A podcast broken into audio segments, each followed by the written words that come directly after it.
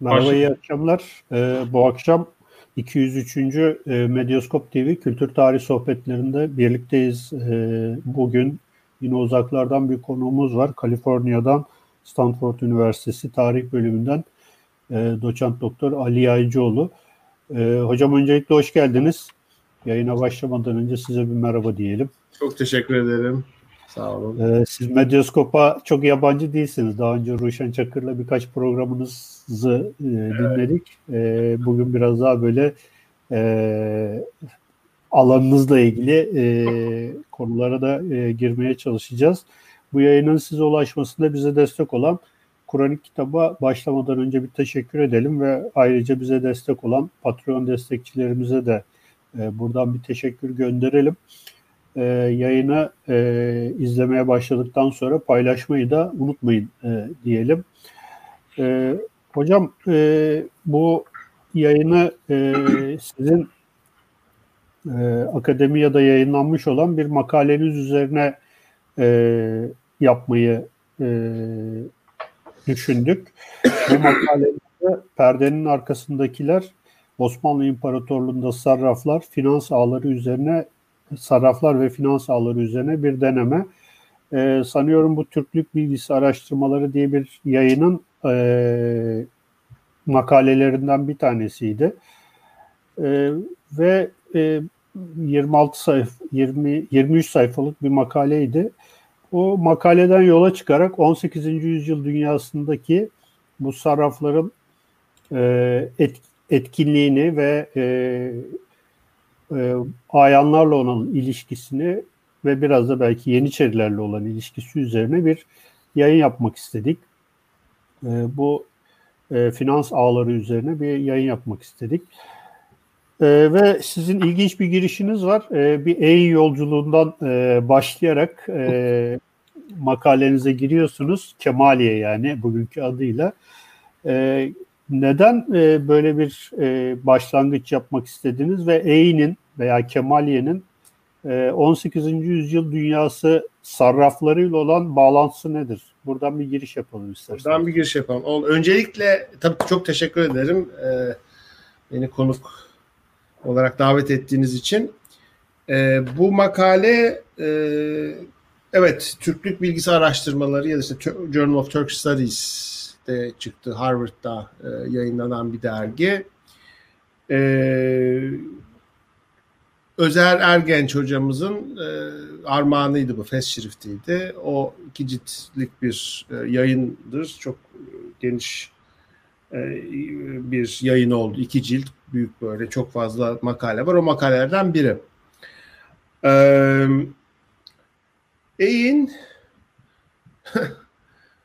Ee, çok ilginç. Ee, sarraflar üzerinde tabii çalışmalarım benim önce, bayağı önceye dayanıyor. Yani doktora yıllarında e, sarraflarla ilgilenmeye başladım. 18. yüzyılla ve ekonomiyle biraz ilgileniyorsanız sarraflarla ilgilenmeniz kaçınılmaz. Ee, daha sonra benim asıl uğraştığım başka bir Ermeni sarraf vardı. Manuk Mirzayan. Onunla ilgili de konuşabiliriz. O e, Bulgaristan ve Roma yani Eflak tarafından. Çok etkili bir sarraftır. Alemdar Mustafa Paşa'nın sarrafı. Yani o sarraf üzerine tabii çok uzun e, zaman harcadım. Daha sonra bu diğer sarrafları da böyle bir çalışmak istedim. E, elimde dolu isim vardı. E, ve Tamar Nalcı ile beraber e, Tamar e, Ermenice bilir çok iyi. E, Tamar Nalcı ile beraber e, bazı Ermeni kaynaklarına girdik. Yayınlanmış da çok önemli e, eserler vardı tabii sarraflarla ilgili. Özellikle Ermeni sarraflarıyla uğraşıyordum. Çünkü Ayanlar ve Ermeni sarraflar arasında daha farklı bir ilişki var. Ee, ve birden ortaya çıktı ki yani benim ilgilendiğim sarrafların böyle yüzde ne bileyim 80'i falan o, o bölgeden. Ya Eğinli ya Harputlu ya Divrili ya Kemali şeyli e, Kemahlı o bölgeden yani yukarı Fırat, Batı Fırat havzası dediğimiz o bölgeden gelmişler. E, tabii çoğu İstanbul'da e, iş kurmuş, sarraflık yapmış İstanbul ya da başka diğer şehirlerle bağlantılı e, ortaklıklar kurmuşlar ama bir şekilde bir eğin şeyi ortaya çıktı. Hikayesi ortaya çıktı. Ee, bunun üzerine işte eğine gittik. Ondan sonra bir seyahat yaptım. E, tabii çünkü dünya harika bir yer. Çok güzel. Olağanüstü bir doğası var. Ee, çok ilginç bir yer. Ee, kültürel olarak da çok ilginç. Tarih olarak da, çevresel olarak da. Ee, bu gördüğünüz resim işte e, tepelerinden, Eğin tepelerinden bir tanesinde çekilmiş. Orada Karasu Nehri. Bu şimdi baraj gölü tabii artık. Onun için aslında daha aşağıdaydı nehir. Şimdi doldu, doldu tabii. Keban'a bağlanıyor. Ee, böyle dağların etrafın yani dağlara serpilmiş köylerden oluşuyor aslında Eğim. Yani bir tabii merkez kasabası var. Bir de böyle etrafta birçok köy var. Bu köylerin bir kısmı birleşmiş artık. Benim böyle bir teorim de var. Yani Patricia çok teoriye çok itibar etmiyor ama bir sanat tarihçisi olarak bu köyler aslında 18. yüzyılda hatta 17. yüzyıl sonlarından itibaren oluş oluşmaya başlamış böyle küçük saraycıklardı diye düşünüyorum. Ee, daha sonra o saraylar bölünüyor e, ve işte köylere dönüşüyor. 19. yüzyılda ve 20. yüzyılın ilk döneminde ve az şu anda baktığınız zaman işte farklı köylerden oluşmuş, dağlara yayı, tepelere yayılmış. Çok güvenlikli de bir yer. Yani e, şeyden e, doğal bir şeyi var. E, tahkim edilmiş yani tepelerle, kayalıklarla. Böyle bir yer. E yine gittiğimiz zaman e, işte ne yapılır? Yani etrafa bakıyorsunuz, görüyorsunuz, işte kitabı okuyorsunuz falan, insanlarla konuşuyorsunuz. Bir de biz çok şanslıydık. E, Mehmet Telli diye bir e, bize bir, reh, bir rehber bulduk. E, Mehmet Bey işte eski Ankara kuyumcularından ki makalede zikrediyorum onu. E, daha eğinli, sonra eğine geri dönüyor emekli olduktan sonra. Hem orada işte bir anlamda şoförlük yapıyor ee, hem de rehberlik yapıyor ve oranın yani her şeyini taşın toprağını bütün hikayesini bilen inanılmaz bir insan. Ee, çok çok etkileyici bir yani bir yerel Evliya Çelebi düşünün. Yani her yani bölgenin her şeyi hakkında söyleyeceği birçok sözü olan. Ee, böyle insanları çok seviyorum ben. Yani o hem tarihiyle ilgileniyor hem doğasıyla ilgileniyor, taşıyla ilgileniyor, e, işte ne bileyim hayvanlarını biliyor.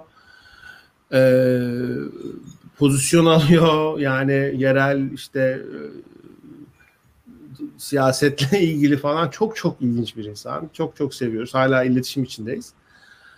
E, onunla böyle 4-5 gün böyle bir yoğun gezi yaptık. Eee ee, böyle dediğim gibi bütün kitabeler okuduk. Başka şeyler işte Ermenice bazı çok az kaldı.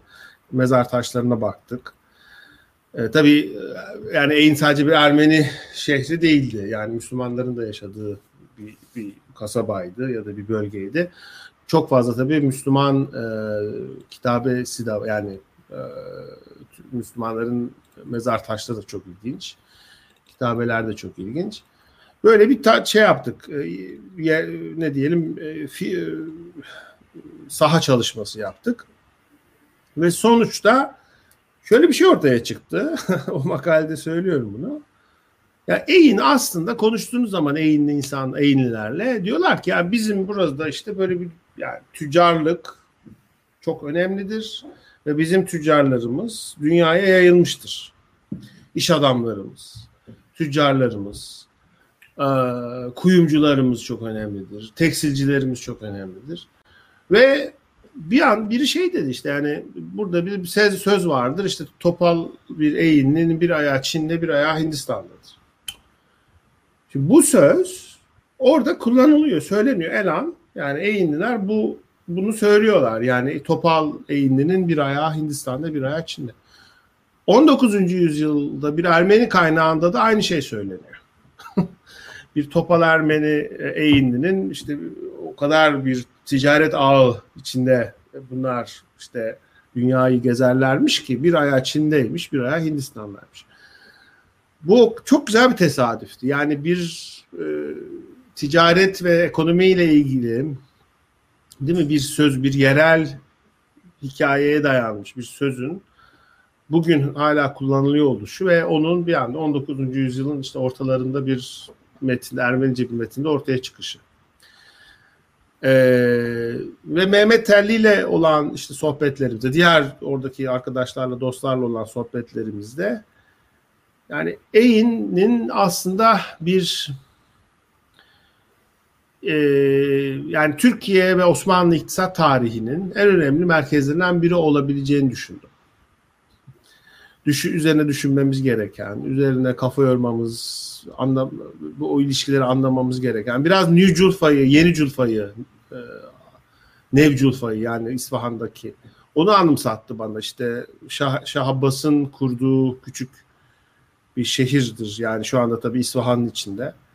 Ee, ve işte Safavi İmparatorluğu'nun önemli bir iktisadi merkezi olarak kurar ve Ermeni eski Culfa'dan Ermeni tüccar ailelerini getirir, yerleştirir. Ve orası bir anlamda 17. yüzyılda Safavi e, ticaret e, inisiyatifinin merkezi haline gelir. Nev Culfa. E, biraz onu anımsattı bana ama burada tabii bir Osmanlı Devleti'nin merkezinden gelen bir inisiyatif yok. Yani ey, burada bir er, 19 17. yüzyılda muhtemelen Ermenilerin kurduğu yani var olan bir yerdi herhalde burası ama daha sonra e, Ermenilerin kurduğu bir e, kasaba Agın e, işte su şeyi demek, kaynağı demek. E, o kelimeden geldiği söyleniyor. Tabii başka teoriler de var. Ee, ve e, bir anlamda sürekli Osmanlı dünyasına tüccar, sarraf, bezirgan, şey yapan, e, üreten bir küçük zengin e, madenlere yakın. Bu çok önemli. Yani orası maden bölgesi öyle değil mi? Yani hala değil mi altın madeni var yakın bir yerde. Zaten madenlerle sarraflık arasında çok yakın bir ilişki var malum. Böyle bir bölge. İstanbul'daki e, şey sarrafların e, birçoğu buralardan gelmiş 18. yüzyılda. Amir ailelerinin büyük amir ailelerinin bir kısmı kökeni yine Eğin'de. Bir kısmı devam ettirmiş ilişkilerini, bir kısmı kopmuş. Yani e, ama yani şey de var. Mesela bir uzun süre İstanbul'da çalışmış. Daha sonra Eğin'e geri dönmüş. Ermeni sarraflar da ya da işte tüccarlar da bulduk. Ee, dediğim gibi bir kısmı yine bir Harput, Divriği yani o bölgede başka yerlere de dağılmış. Kemah çok önemli tabii bu anlamda. Yakınlarda bir meslektaşımız Henry Shapiro e, şu anda Kudüs'te. O bana e, Kudüs'te Ermeni mahallesinden böyle dolu kitabe gönderdi. Bütün Eğinliler. Yani Eğinli sarraflar ve şeyler e, tane hatta şuraya koydum sizle konuşurken zikredeyim diye. İşte mesela sen e, James Monastır'ın şey manastırında bir tane şey e, kitabe göndermiş. Ermenice var, İngilizce tercüme etmiş. The Iron Gate is a memorial of from Agun Sarraf Gabriel and his parents and all his descendants. Bunun gibi dolu. Um, özellikle şeyde e, St. James Manastır civarındaki kitabeler. Yani böyle bir ağın şeyi 18. yüzyılda bir ağın kimliği, Eğin yani ağın e, şeyi hikayesi dolaşıyor. Bunun üzerine düşünmek lazım. Yani daha nasıl incelenir? E, ne tür kaynaklar işte bunun bunun gibi dolu şey çıkıyor orada burada. E, benim makalede zikrettiğim e, simya ile ilgili e, kitabe çok çok ilginç. O, o işte e, şey e, bir e, e, yani o, o şeyde de yani bu dedim ya madenlere yakın eğin. Dolayısıyla altın, gümüş, bakır madenleri e, sarraflık ve simya ilişkisi. Bunu da hani bir anda düşünmemiz gerekiyor. E, o da o e, onu e, şey yaptı, e, hatırlatıyor bize. Böyle hikayeler. Peki hocam şeyi de söyleyeyim de bu arada Henry Shapiro'yu da programa davet ettik. E, gelecek. Erem, Erem Yağçelebi üzerine konuşmak için. Evet. evet. Yani Henry'nin işleri çok önemlidir yani gerçekten. Evet. Peki şey soracağım burada. Makalede de geçiyor aslında ama 17 yani mesela 16. yüzyılda bir e, Rum e, elitlerinin Rum e, iktisadi elitlerinin olduğunu, daha sonra 17. yüzyılda biraz daha Yahudilerin elinde olduğunu, 18. yüzyılda da Ermenilerin elinde yani daha ağırlıklı olarak yine onlar devam ediyor muhtemelen ama bunu böyle bir şey var mı? Yani veyahut da sebebi nedir?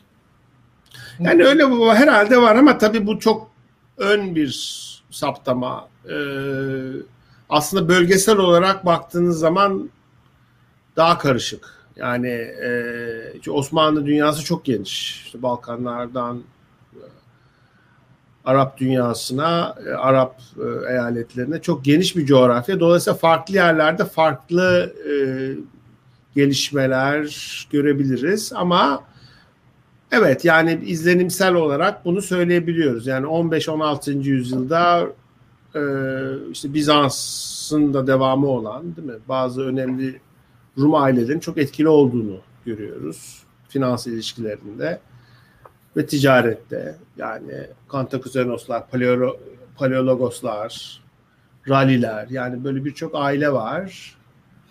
17. yüzyılda dediğiniz gibi böyle bir daha Yahudi e, önemli Yahudi sarraflar ortaya çıkıyor. Bunlar 18'de de devam ediyor aslında. Yine başka bir çalışma yapıyoruz şu anda. Aaron Rodriguez'le Stanford'daki meslek, sevgili meslektaşım Aaron'la. Arya ailesi hakkında. Bu da bir Yahudi ailesi. Samakov, Vidin Samakov o bölgede.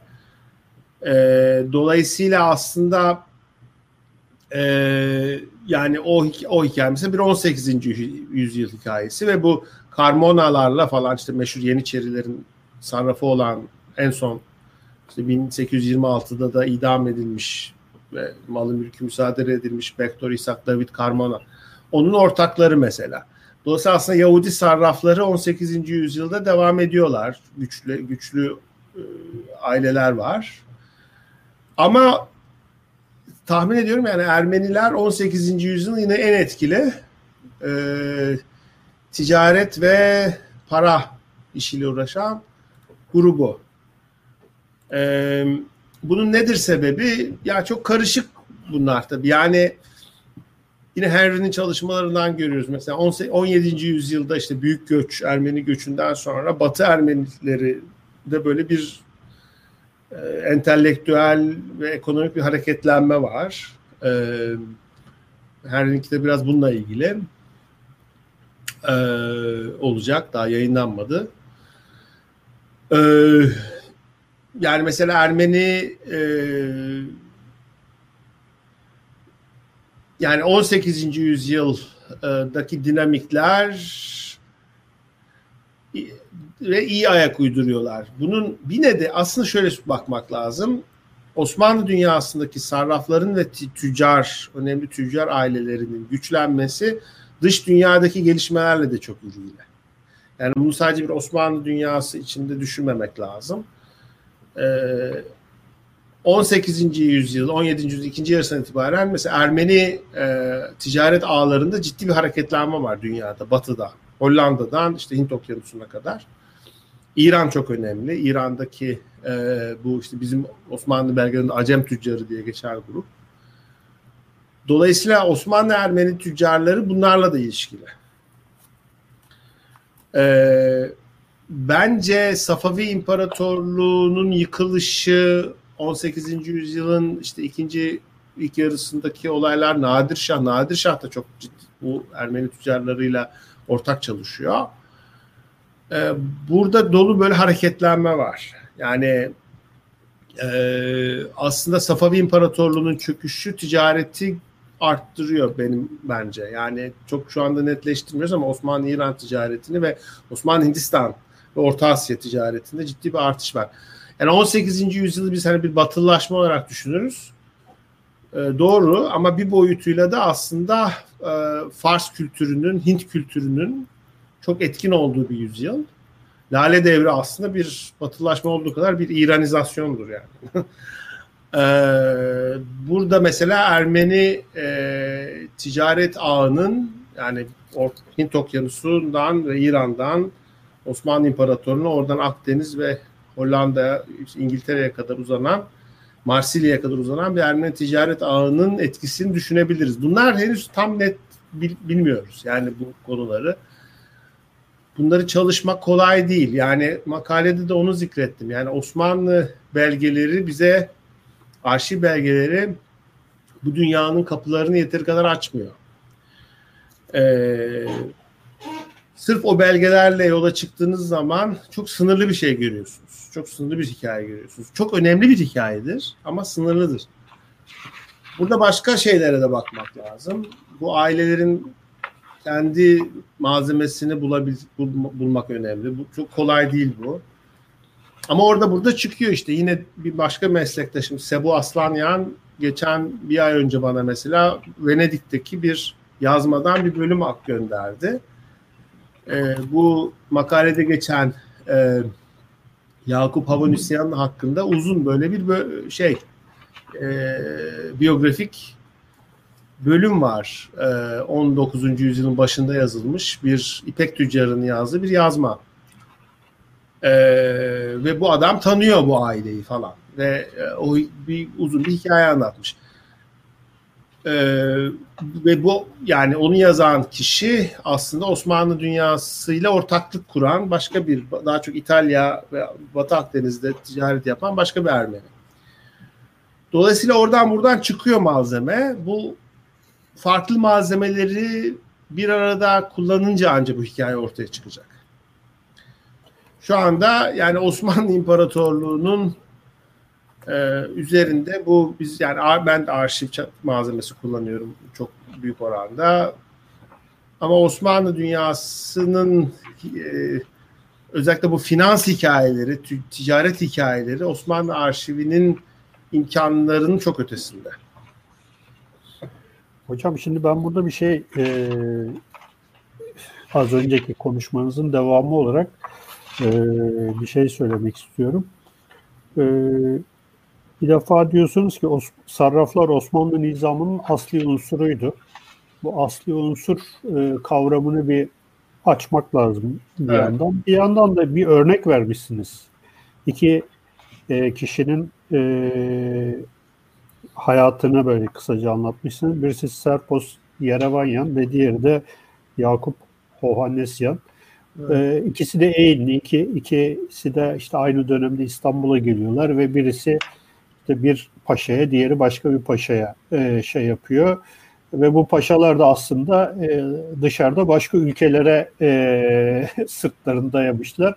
Ve o başka ülkelerde o sırada e, bir takım didişmeler içindeler ve e, bir parti diğer bir hizip diğer hizbi e, şey yapıyor. Burada aktörler e, meselesi çok önemli. Yani bu sarraf sadece sarraf olarak değil. Yani orada çok farklı ilişkiler, siyasi, ekonomik, politik ilişkiler var.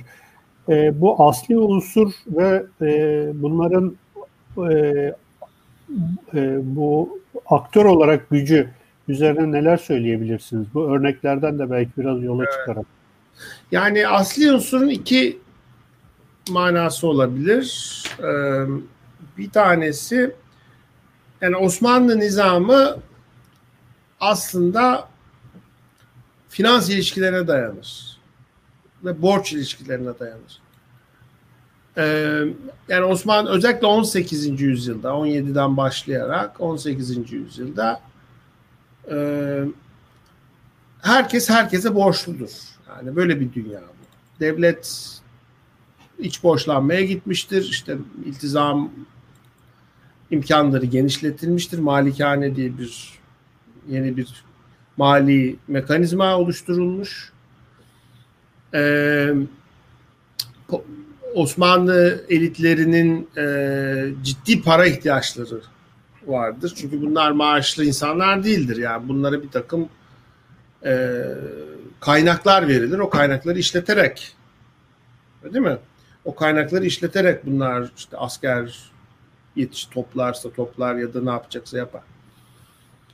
Ee, yani Osmanlı e, ekonomisi, Osmanlı idaresi bir kamu maliyesi vardır Osmanlı'da ama büyük oranda işler borç üzerinden gider ve kaynakların e, mali kaynakların havalesi üzerinden gider. Ee, bu sistem dolayısıyla bir borç sistemidir. Herkes herkese borçludur. Bir vali o valiliğin gereği aldığı e, ofisi e, bir muacele bir para karşılığında alır. E, bir para öder. Ya caize öder ya işte muaceleyle şeyle alır, malikaneyle alıyorsa alır. Ve bu e, daha sonra da devlete borçlu olur ve yavaş yavaş o borcu işte neyse o kontratın gereği ödemeye çalışır. Ahalilere baktığınız zaman onlar devamlı borçludurlar. Ee, ayanlar onlara işte mikro krediler verir falan. Ee, onlar ona borçludur. Ee, işte bu tevzi sistemi bir aslında bir borç sistemidir. Dolayısıyla aslında Osmanlı mekanizma, Osmanlı nizami ben işte bu ikinci kitabımda uğra onunla uğraşıyorum. Buna şey diyorum yani bir borç nizamıdır. Alt, e, yani dağdaki çobandan yukarıdaki sultana kadar herkes herkes birbirine borçludur. Borç ilişkileri içinde anlamak lazım Osmanlı nizamı. Bir kamu özel e, devlet toplum ilişkisi içinde anladığımız zaman işin içinden çıkamıyoruz. Yani o, o e, tanzimat onu getirmeye çalışıyor ki getiremiyor. E, yani bu aslında borç nizamı bence günümüze kadar devam ediyor. E, büyük oranda. Yani bu anlattıklarım herhalde çok yabancı şeyler değil. E, yani Osmanlı Devleti de Türkiye Cumhuriyeti de bir kamusal fiks, fiksiyondur aslında. E, bir kurgudur. İşin işte o kurguyu açtığınız zaman arkasında işte borç ilişkileri vardır. Her neyse e, bu borç ilişkilerini e, ve para e, ilişkilerini yürüten kişiler de sarraflardır. Yani borç nasıl bir me- idari mekanizma olur? Kefaletle olur. Yani kefalet olmadan borç olmaz mesela değil mi? Kefalet çok çok önemli Osmanlı İmparatorluğu'nda. Yani bu o kadar önemlidir ki Osmanlı siyasi rejimi de aslında kefalet üzerine kurgulanır. Mesela senet ittifak bir kefalet senedidir aslında. Kefalete baktığınız zaman kefalet büyük oranda sarraflar üzerinden yapılan bir sözleşmedir. Sarrafların kefaleti olmasa insanlar birine borç veremez, borç alamaz. Devlette devletten borç alınamaz. Bir malikane kontratı için kefil bulmanız lazım. Onu sarraf yapar, verir o kefalet. Onun ötesinde yani e, bütün bu krediler e, sarraflar tarafından e, yönetilir. Portfolyolar sarraflar tarafından yönetilir. Mesela bir paşa düşünün. Adam dolanıyor işte o bir oraya gidiyor, bir buraya gidiyor. Bunun bir portfolyosu var yani bunun yönettiği e, bir takım böyle e, gelir kaynakları var. Bu gelir kaynaklarının para işlerini sarraflar yapar. E, bir paşa aynı zamanda o gelir kaynaklarından kredi verebilir. O krediyi de sarraflar üzerinden verebilir. Yani para, e, borç e, büyük oranda sarrafların borç ve kredi büyük oranda sarrafların denetimindedir. O portfolyoyu onlar yönetir. Üçüncü olarak para transferi havale poliçe meselesi çok önemlidir 18. yüzyılda. 17'de de önemlidir. 18'de 19'da artarak önemi e, devam eder. E, şimdi bir yerden bir yere para taşınmaz. Yani altınlarla böyle e, var ama yani taşınır ama yani büyük oranda aslında poliçeler üzerinden para transferi yapılır bölgeden bölgeye. Bu da nasıl olur? Ağlarla olur ortaklıklarla olur. İşte diyelim Sofya'daki bir gelir İstanbul'a gidecekse o transferi oradaki sarraflar üzerinden o transfer oradaki sarraf, Sofya'dan İstanbul'a sarraf ortaklıkları üzerinden gerçekleştirilir bu havale. Poliçe yazılır. O poliçe oraya gider. İstanbul'da o para e, işte yine borç olarak, kredi olarak ya da e, karşılanır. Yine dış ticaret bu şekilde yürütülür. Dış ticaret mesela gelen batıdan gelen tüccarlar malları getirirler, satarlar, parayı götürmezler. Para transfer edilir. Yine havalelerle transfer edilir. Bir tane şey var çok ben severim bu Zitzen diye çok önemli bir şey, şey vardır. Doktor adam Avusturyalı. Ee, işte sonra Müslüman oluyor falan. 19. yüzyılın son 18. yüzyıl sonlarında işte geldi yani İstanbul'da uzun süre İstanbul'da geçirdi. Ee, bunun parası gelmiyor bir türlü mesela şeyden Viyana'dan. Ee, o zaman şey var işte e, e Höpş diye çok önemli bir komisyoner var. Onun Viyana ile çok yakın ilişkisi var. Para Höpş'e gelecek. Bir türlü gelmiyor. Devamlı bu e, zavallı adam e, şeye Sarıyer'e şeye gidiyor. Adamın Höpş'ün evine gidiyor. Yani para geldi mi diye. Çünkü Höpş kendisinin elinde bir mektup var. Zitsin'in. Höpş'e de Viyana'dan bir mektup gelmesi lazım. Buna şu kadar para ödenmesi gerekiyor diye. Yani bu havale sistemi işte. Yani Höpş'e aslında para gönderilmiyor. Höpş'ün ortağı parayı Viyana'dan alıyor. Mektupla Höpş'e diyor ki bu kadar para buna aktarılacak. Onlar kendi aralarında bunu halledecekler. 6 ay adam parası gelemiyor. Bir şekilde mektup gelemiyor yani o şey. Ee, sonunda e, adam bütün saatini satıyor, teleskopunu satıyor. İşte bir de böyle şeylerle ilgilenen biri böyle astronomiyle falan. Ee, kitap alacak alamıyor. Aldığı birkaç kitap var. Onları satıyor falan. En sonunda neyse geliyor para falan. İşte onu uzun uzun anlatıyor. Ya böyle bir dünya bu. Bu dünyadan sarrafları çıkarttığınız an Cengiz Bey bütün sistem çöker. O anlamda asli unsurdur. Yani bütün mekanizmayı bu, bu, bu, bu insanlar işletiyor. Bizim benim çalıştığım mali defterlerinde falan yani bunu çok net görüyorsunuz. Ee, ben işte şey defterleri şu aralar çalışıyorum. Muhalefat defterleri ama daha çok zimem defteri bunlar. Yani tereke değil. Alacak verecekler işte bütün krediler falan. Buradaki ana aktör sarraflar. Yani bütün işlemi bunlar yapıyor. Bütün meseleyi bunlar çözüyor. O kadar ilginç hikayeler var ki bir tane şey, şey hikayesini burada anlatmak isterim. Seyfizade e, bu e, e, işte Manisa bölgesi, Sökefa o bölgenin o bölgelerin e, ayanlarından e, şeyin ya bu adamın çok önemli bir e, şeyi var, e, muhalefatı var e, işte ne olacağı belli çok da borcu da var. İşte devletle ilişkisi böyle ilginç bir e, pazarlık oluyor. Dev, yani şey daha çok o bölge Haremi Humayun'a bağlı. Dolayısıyla işte şeyler de iş içine giriyor. Harem ağları falan da iş içine giriyor. Karmaşık bir mesele. Neyse sonuçta şey Seyfizade'nin çocukları diyorlar ki ya biz bütün borçlarımızı ödeyeceğiz. Dolayısıyla devlet hiç karışmasın bu işe. Biz halledeceğiz. Yani bize bunu babamızın işte şeyine bütün mirasını devredin. Kimse karışmasın. Biz borçları altından kalkacağız diye böyle bir anlaşma yapıyorlar. Ee, ve şeye güveniyorlar. Seyfizade'nin sarrafında bütün şey para ve bütün hesaplar. Ama bu sarraf Rusya'ya kaçıyor sonra. ve e, ve sonuçta yani bu iflas ediyor bu aile. Yani e, ve bunda en büyük borcu da işte aslında akrabalı olan Kara Osmanoğullarına işte Kara Osmanoğulları iş içine giriyor falan filan. Ve enteresan bir e, finans hikayesi bu. E, ama sonra peşine düştüm bu sarrafın. E, yani adamcağız o da iflas ettiği için kaçmış. Yani parayı alıp kaçmamış. Yani büyük bir risk alıyor. Sarraf başka işte ilişkileri de var iflas ettiği için çok muhtemelen e, işte e, kaçıyor gidiyor sonra da bilmiyoruz ne olduğunu. E, dolayısıyla o sarrafın devreden çıkması bütün aslında bir ailenin iflasına neden oldu. Ve Kara Osmanoğlu ailesi tarafından bir dönem yutulmasına bu ailenin aslında e, sebep oldu. Manisa bölgesinde ya da Saruhan işte o, o bölgede.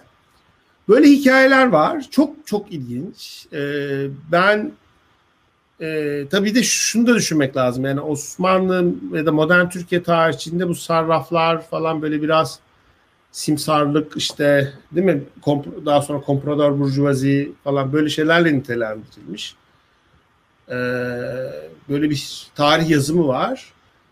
Ee, tabi bu tarih yazımı çok ötesine çıkmak, gitmek lazım. Yani bu tarih yazımıyla bu ilişkiler çözülemiyor. Peki hocam burada e, ayanlarla ilişkiler nasıl? Sizin bahsettiğiniz işte Saruhan'daki yani evet. orada e, nasıl diyeyim Taşra'daki e, siyasi elitlerle sarafların arasındaki ilişkiler nasıl? Şimdi yine e, şimdi bu sarraflar dediğim gibi yani şu, genel olarak baktığınız zaman 2-3 e, önemli şey söylemek lazım. Bir tanesi evet bütün para işlerini idare eden grup diyelim buna. Yani bu sadece kredi vermek değil, portfolyo yönetmek, para ted tedbirli yani bir bir e, para biriminden diğer para birimine şey yapmak, e, parayı çevirmek, e, havale, poliçe, e, efendim, e, borç, kefalet. Bunların bir kısmı, bu sarrafların bir kısmı darphane amireyle çalışır. Bu çok önemli. Büyük sarraflardır bunlar. Ee, e, bunun üzerine tabii çok önemli e, çalışmalar e, e, var. Ömer Bölükbaşı'nın mesela çok yine darphane amire üzerine yazdığı kitap çok önemli. E, Yavuz Yazar hocamızın çalışmaları var. Bu darphane sarrafları. Bir de yerelde böyle birçok sarraf var. Bunlar arasında da böyle ortaklıklar, ilişkiler var. Şimdi e, Cengiz Bey'in sorusunu at, aslında biraz atladım. Yani bu siyasi ilişkiler, bütün bu işte şeyler, e, partiler onlarla beraber düşünelim bunu. Sarraflar e, aslında evet asli unsurlardır. Onu söyledik. Ama aynı zamanda belli siyasi bu siyasetle finans iç içe gider. Bunları ayıramıyoruz kolay kolay. İşte bu bahsettiğiniz mesela Cengiz Bey'in bahsettiği iki sarraf e, mesela işte Serpos Yerevanyan'la Yakup Hovanesyan arasında ilişki aslında Osmanlı 18. yüzyıldaki iki faks şeyin fırkanın e, rekabeti içinde anlaşılması lazım ve belki de İngiltere Fransa rekabeti içinde, global rekabeti içinde anlaşılması lazım. E, işte Divittar Mehmet Emin Paşa ile işte Hekimoğlu arasındaki rekabet e, ve daha sonra Yakup'un e, idam edilişi, Divittar'ın da işte e, vezaretten edilişi ve Hekimoğlu'nun işte gücü elinde şey yapması. Şimdi buna benzer şeyler Taşra'da da oluyor Ozan Bey. Yani Taşra'da da ayanlar ya da güçlü aileler, güçlü işte kudretli e, kişiler sarraflarla çalışıyorlar ve bu sarraflarla siyasi ilişkiler, siyasi finans ilişkileri kuruyorlar. Şimdi bir örnek e, vereyim. E, yine bu makalede çok ayrıntıyla girmedim ama e, şimdi çalışıyoruz. Dediğim gibi işte bu Aaron Rodrick'le e, Stanford'daki meslektaşımla beraber çalıştığımız bir metin var. Bu Arya ailesi. E, bir Yahudi aile. Bunlar kendiler yani kendi metinlerine göre 18. yüzyılın ortalarında Viyana'dan Osmanlı İmparatorluğu'na geliyorlar ve ilk önce Vidin'e daha sonra Samakof'a yerleşiyorlar. Çok önemli bir aile. Ee, bu ailenin e, böyle bir bin küsür sayfalık böyle bir arşivi var. E, bir günlük gibi tutulmuş bir arşiv. Ailenin belli bireyleri tarafından farklı zamanlarda yazılmış çok önemli bir metin. Bu Ladino. E, ve biz bu metni çalıştık. E, ve şimdi bu metin üzerinde işte e, bir şeyler yazıyoruz. E, çok önemli bir metin. Bu metinde işte bütün o e, yani diğer hikayeyi görüyorsunuz. Yani Osmanlı arşivinde görmediğiniz hikayeyi görüyorsunuz. O ayrıntıları görüyorsunuz. Metin hem hikaye anlatıyor hem de belgeler de var o metinde bazı tek tük. Yani e, biraz hem arşiv hem bir aile tarihi gibi. Şimdi burada mesela şeyi anlatıyor. Tam sizin sorduğunuz soruya e, bir cevap olarak bunu söylüyorum. E, bu Arye e, ailesinin işte bir, bir dönem e, Vidin'de bunlar işte ticarete başlıyorlar. Daha sarraflık yok ortada.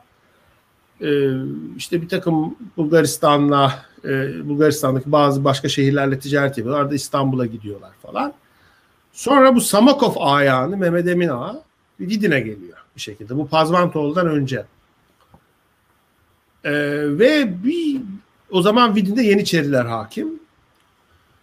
Ee, Yeniçerilerle de Yahudi sarraflar arasında bir yoğun bir ilişki var. Ama bu aile henüz sarraf değil. Mehmet Emin bu e, Arya ailesinin bir mensubunu çok böyle o, o adamdan hoşlanıyor, beğeniyor. Yani bu diyor iyi iyi bir iş adamı. Ve diyor ki buna ya sen Samakov'a gelir misin? Çünkü diyor Samakov'da bir bezirgen yok. Bize bir bezirgen lazım. Bu çok ilginç öyle değil mi? Yani bir Samakov'un ayağını, Samakov önemli bir yer. Adam Samakov'un bir ayağını olarak orayı yeniden canlandırmak istiyor aslında. Böyle bir müteşebbis olarak düşünün. Ve Arya ailesini Samakov'a davet ediyor. Orada bezirgan olmaları için ve ticareti canlandırmaları için. Ve bunların aklına yatıyor ve bunlar Vidin'den Samakov'a e, göç ediyorlar e, ve Mehmet Emin Ağa bunlara bir kredi veriyor. Bayağı ciddi bir kredi veriyor ve işe başlatmak için ev veriyor, dükkan veriyor. Orada çok enteresan. Diyor ki yani ev dükkanı şey olarak kaydı hayat şartıyla veriyor. Yani kaydı hayat olarak ona devrediyor o kişi, kişiye. Rafael'de herhalde o. E, ve sonra diyor ki yani e, ama çocuklarını aktaramazsın. Onlar para ödemek zorunda ama sana bedava yani kayda açar. Ve sonunda bu aile Samakov'un en önemli bezirganı ol, şey yani tüccar ailesi oluyor ve, ve aynı zamanda Mehmet Emin'in sarrafı oluyorlar.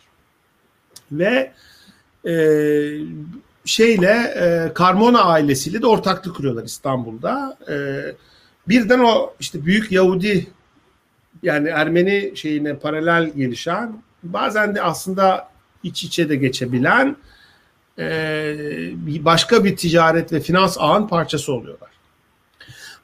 O zaman Bey buna benzer şeyleri mesela Yozgat'ta görüyoruz. Çapanoğulları Yozgat şehrini kurdukları zaman Aslanyan ailesini davet ediyorlar. Ve, e, ve orada da benzer bir yani Yozgat'ı kalkındırmak fikri var. Ve as, şu anda Yozgat'a gittiğin zaman Aslanyan Konağı vardır mesela. O işte Yozgat evi olarak şey yapar. Çok ilginç bir bina o. Ya da işte şimdi Fatih Camii diye geçiyor. İşte o ailenin yaptırdığı kilise falan var. Ee, buna benzer hikayeler. Yine şeye baktığınız zaman mesela yine Bulgaristan'a geçersek e, Rusçuk civarında değil mi? Tirsinkli İsmail abi çok önemli bir ayan. O da mesela gücü bir, bir noktasında işte Manuk Mirzayan bir Katolik Ermenidir. Onu şey yapıyor, davet ediyor ve onunla işi yürütüyor. Bir ortaklık kuruyor. Bu, bu sarraflarla ayanlar arasındaki ortaklıklar e, çok çok mühim.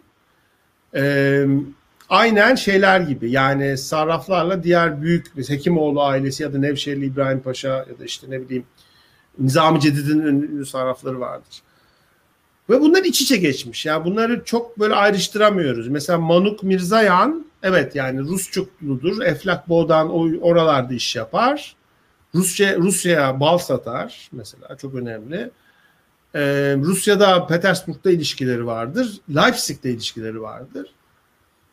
Ee, Leipzig fuarına adam gönderir. Ama aynı zamanda İstanbul'da ki bütün drogomanlarla çalışır ve sonunda zaten kendisi Drogoman olur. Ve Ruslarla olan barış görüşmelerini yönetir. Daha sonra 1808'de işte Alemdar vakasından sonra kaçar Rusya'ya, Rusya'ya ilhak eder. Ee, Rus generali olur falan yani bir general rütbesi alır. O bizim ya gerçek general değil o biraz şey ha. Bizdeki paşalar gibi. Biz, evet bizdeki tarihçi paşalar gibi. Ondan sonra e, general olur ve şey olur sonra e, attan düşer pol oynarken ölür zavallı ama o aile e, devam ediyor. E, ve şu anda hem e, şeyde Bükreş'te bir e, şeyleri vardır hem de işte e, yani çok önemli bir şeydir bu Manuk mesela hikayesi. Bunlardan ne görüyoruz bu örneklerden? Bir güç sahibinin e, iktisadi bir kudret, iktisadi bir e, bir güç sahibi ancak bir iktisadi insiyat şeyle müteş, te, teşeb, müteşebbislikle gücünü devam ettirir. Ve burada bir ortaklık kuruluyor ve sarraf bu, bu ortağın bir parçası. Ama aynı zamanda sarraflar hem dediğim gibi portfolyo yönetirler ama aynı zamanda da ticaretle uğraşırlar. Yine önemli bir nokta ticaretle para işlerini böyle net bir şekilde ayıramıyoruz. Yani bu bu da mühim. Yani bu sarrafları böyle bir tüccarlardan tamamen ayrı bir e, ticaretten tamamen ayrı bir iş olarak düşünmemek lazım. Mesela aile ailesi ticareti sonuna kadar devam ettiriyor. Aynı zamanda maden işletmeciliği yapıyorlar mesela. Ya yani bunlar portfolyoları var. Yani böyle bir tek bir alanda şey yapmıyorlar. Uzmanlaşmıyorlar. Böyle birçok farklı alanlarda para, ticaret, maden, hatta tıp ve ilaç. Bu çok önemli. Macun. Ee, bu da mesela çok ilginç. Yani simya ile tıp arasındaki ilişki değil mi? Bir yandan öyle bir şey görüyorsunuz ki yani simya, tıp ve para işleri bir arada olabiliyor.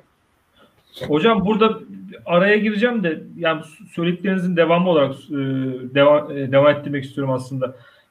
Bu ayanlarla e, sarrafların arasındaki ilişki bana doğrudan mesela işte şenlendirme işte mesela İstanbul'un fethinden sonra Fatih Sultan Mehmet'in işte tüccarları ya da e, gayri İslami unsurları getirip hatta İslam unsurları da getirip şehri şenlendirmesine benzet, benzettim de ona da benziyor yani sürekli orada bir şey var e, ticareti geliştirme evet. para para çekme aslında evet. bu e, şey yaratmıyor mu böyle bir merkez kaç yaratmıyor mu çünkü bu adamlar parayı da çekiyorlar ama hani merkezin de buna müdahalesi olmuyor mu e, çünkü bir, bir yandan da para demek e, diğer tarafıyla e, iktidar demek yani o onu oraya çağıran ayağına da belirli bir güç veriyor. O oradaki vergi artıyor, işte parasallık evet. artıyor ve belki de e, asker topluyor. Yani te, evet. güç güç temerküzü yapmıyor mu? Yani bu e, bunun tepkileri olmuyor mu Osman merkezde mesela? Şimdi bu oluyor. Ee, şimdi iki türlü bakmak lazım. Bir, bir boyutuyla aslında bu herkesin de kazandığı bir şey olabilir. Değil mi? Yani e, kapital akümülasyonu oluyor. Yani e, ve Osmanlılar bence yani merkezi e, şey idare diyelim e, bunu ister yani bir kapital akümülasyonunun olması kötü bir şey değildir. Yani orada burada bir takım şehirlerin e, işte kalkınması kötü bir şey değildir. E, ama daha önemli bir şey var. E, biz Osmanlı tarihine yaklaşırken böyle bir merkez çevre şablonuyla bakıyoruz. Ve merkezin böyle ayrı bir yapı işte taşladaki unsurların ayrı bir yapı olduğunu ve birbirine belli bir gerilim içinde olduklarını düşünüyoruz. Bu külliyen yanlış. E, merkez denen şeyle çevre denen şeylerde sürekli ortaklıklar olur. Aslında merkezdeki merkez dediğimiz yapı yani İstanbul odaklı Osmanlı eliti aslında kendi içinde bölünmüştür ve bunlar aynı zamanda taşladık elit, elitlerle ve diğer gruplarla ortaklık içindedir. Yani e, şöyle söyleyeyim mesela Nizami Cedid hareketine baktığınız zaman ya da işte Hekimoğlu ailesine baktığınız bunların hep her birinin taşladığı şeyleri vardır. İlişkileri vardır. Kimisi zaten yani Hekimoğulları'nın Girit'le mesela ilişkileri devam eder falan. E, kimisi zaten şeydir yani taşrayı bırakmamışlardır. Yani oradaki mesela Kadı Abdurrahman Paşa Yani adam değil mi çok önemli der, kaptanı der ya bilmem dolu şeyler yapıyor. yapıyor. Kadap çok önemli bir kişilik Kadı Abdurrahman Paşa. Ee, kaptan Derya yanlış söyledim herhalde. Ramiz'le karıştırdım biraz. Ee, şey e, ama Nizamici'nin en önemli, en önde gelen e, kişilerinden biri ama mesela Alayiye ve işte bütün o Alanya, Konya'daki bütün mal varlığı ve ilişkileri duruyor. Devam ediyor. Şimdi Kadı Abdurrahman Paşa'yı nereye koyacağız? Bir ayanlık katı şey çerçevesine mi koyacağız? Yoksa imparatorluğun merkezine mi koyacağız? İkisi de birden. Dolayısıyla biz böyle çok fazla şey bu merkez çevre şeyi içinde e, düşünmemeliyiz Osmanlı İmparatorluğu'nu. Ama şu var e, yani 18. yüzyılın hikayesi nedir? 18. yüzyılda çok fazla güç odağı ortaya çıkar. Osmanlı İmparatorluğu çok merkezli bir hale gelir aslında öyle diyebiliriz. Ee, yani mesela Yozgat çok önemli bir şehir olur 18. yüzyılda. Değil mi? Musul çok önemlidir. Ee, Vidin çok önemlidir. Ee, Yanya, Epirus bölgesi değil mi? Epir bölgesi çok çok önemlidir. Ve bunlar kendi işlerinde birer merkezdir. Kendi işlerinde böyle bir devletçik gibidir bir anlamda da. Ama aynı zamanda Osmanlı dünyasının parçalarıdırlar. Ee, ve 18. yüzyıl ben şöyle görürüm. E, bu birçok güç merkezi arasında bir entegrasyon süreci yaşanır aslında 18. yüzyılda. Yani bu e, çok merkezlilik bir disentegrasyona yol açmaz. Entegrasyona aslında e, daha yakındır. ve bu entegrasyonu sağlayan da işte bu finans bir boyutuyla bu finans ilişkileridir. O anlamda da sarraflar aslında Osmanlı İmparatorluğu'nu entegre eden aktörlerdir. Öyle de bakabiliriz. Yani bu entegrasyonu sağlayan, ilişkilerin ağını sağlayan. Yani öyle bir şeydir ki mesela 18. yüzyıl, 19. yüzyılın başında siz Yanya Epir bölgesini Osmanlı İmparatorluğu'na çekip alamazsınız. Alırsanız herkes birbirine borçlu kalır ve bütün sistem çöker.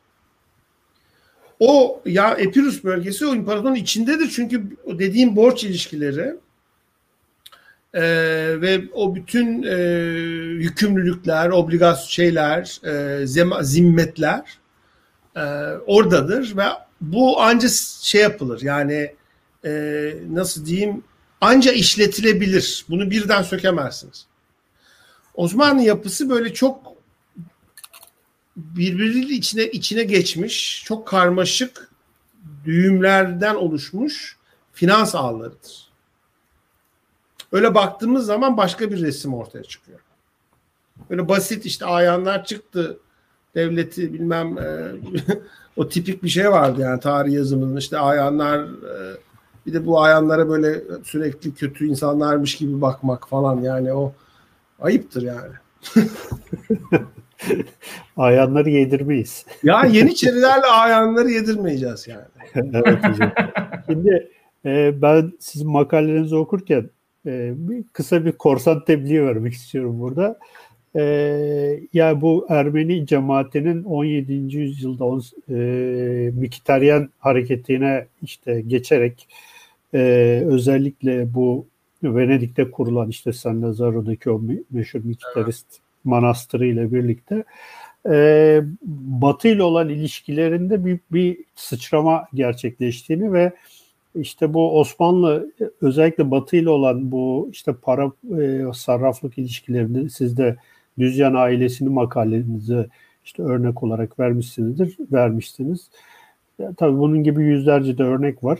Evet. Ee, biraz da sanki böyle Gregorian Ermeniler de daha çok böyle İran'la falan Hindistan'la e, ilişkileri böyle şey yapmışlar. Bu da böyle hani belki incelenmeye değer bir başlık evet. olarak e, düşünülebilir. Korsan tebliği burada bitti. Yo, çok Şimdi, çok güzel. Evet. evet. Bir şey söyleyeyim bunun üzerine yoksa? Tabii buyurun hocam. Yo dediğiniz çok doğru. Yani Venedik e, ya orada o çok önemli bir şey tabii. Katolik Ermeni, ya üç Ermeni grubu var. Hayhoromlar var. Değil mi? Rum kilisesine evet. bağlı yakın. Gregoryanlar ve e, Katolikler var. Daha sonra Protestan Ermeniler ortaya çıkıyor. E, bunlar arasında e, dış yani Osman İran'la Hindistan'la işte Vene şeyle yani Habsburg dünyasıyla ya da Venedik'le Adriyatik'le ilişkili olanlar e, Evet yani Katolik Ermenileri herhalde değil mi Habsburglarla daha yakındır. İşte mesela Mirzayan böyle ama Mirzayan'a baktığınız zaman aynı zamanda Manuk Mirzayan'a tabi Rusya ile de çok yakın. Yani e, asıl Rusya ile yakın. Yani sonra Rus generali oluyor zaten dedim ya. Dolayısıyla e, e, dediğiniz doğru dedi ve özellikle entelektüel e, ilişkiler ve bu matbaa olayı değil mi? Yani e, inanılmaz bir yayın faaliyeti, neşriyat faaliyeti var 17. yüzyıldan itibaren. Hem Sabu Aslan'ın hem Henry'nin çalışmalarında şimdi daha net görüyoruz. Müthiş bir yayın e, şeyi var, neşriyat var 17'den başlayarak. E, ve entelektüel ağları biraz bu şekilde düşünebiliriz. Finans ağları tam buna oturmayabilir. Orada daha karışık ortaklıklar olabiliyor. Şöyle bir nokta var, bu çok önemli. Bence biz bu finans ve ticaret ağlarını e, güven üzerinden anlıyoruz tabii. Bu insanlar birbirine güvendikleri için böyle ağlar kuruyorlar.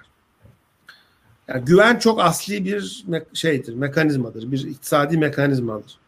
Ve siyasi mekanizmadır. Yani güvensiz toplumlar güvensiz ekonomiler, içinde güven olmayan ekonomiler devamlı krize girer. Türkiye'de şu anda olduğu gibi. Ee, yani güven çok şey. Şimdi güven nasıl teşkil eder? Ee, insanlar birbirini biliyorsa, tanıyorsa güven daha kolay oluşur. Ya da ortak bir takım şeyleri varsa, e, dini, sosyal, kültürel benzerlikleri varsa birbirini tanımasalar bile güven kurmak daha kolaydır. Dolayısıyla şimdi şöyle bir teori vardı. Yani birbirine çok yakın insanlar ya da birbirini tanıyan insanlar arasında kuruluyor işte bu finans ve ticaret ağları diye bir teori vardı. Bu Avner Greif'ın meşhur bir kitabı vardır. O bizim üniversitede hocadır iktisat bölümünde. Ee, onun üzerinden büyük bir teori oluşmuş. İşte güven üzerinden bu işte şeyi kurmak.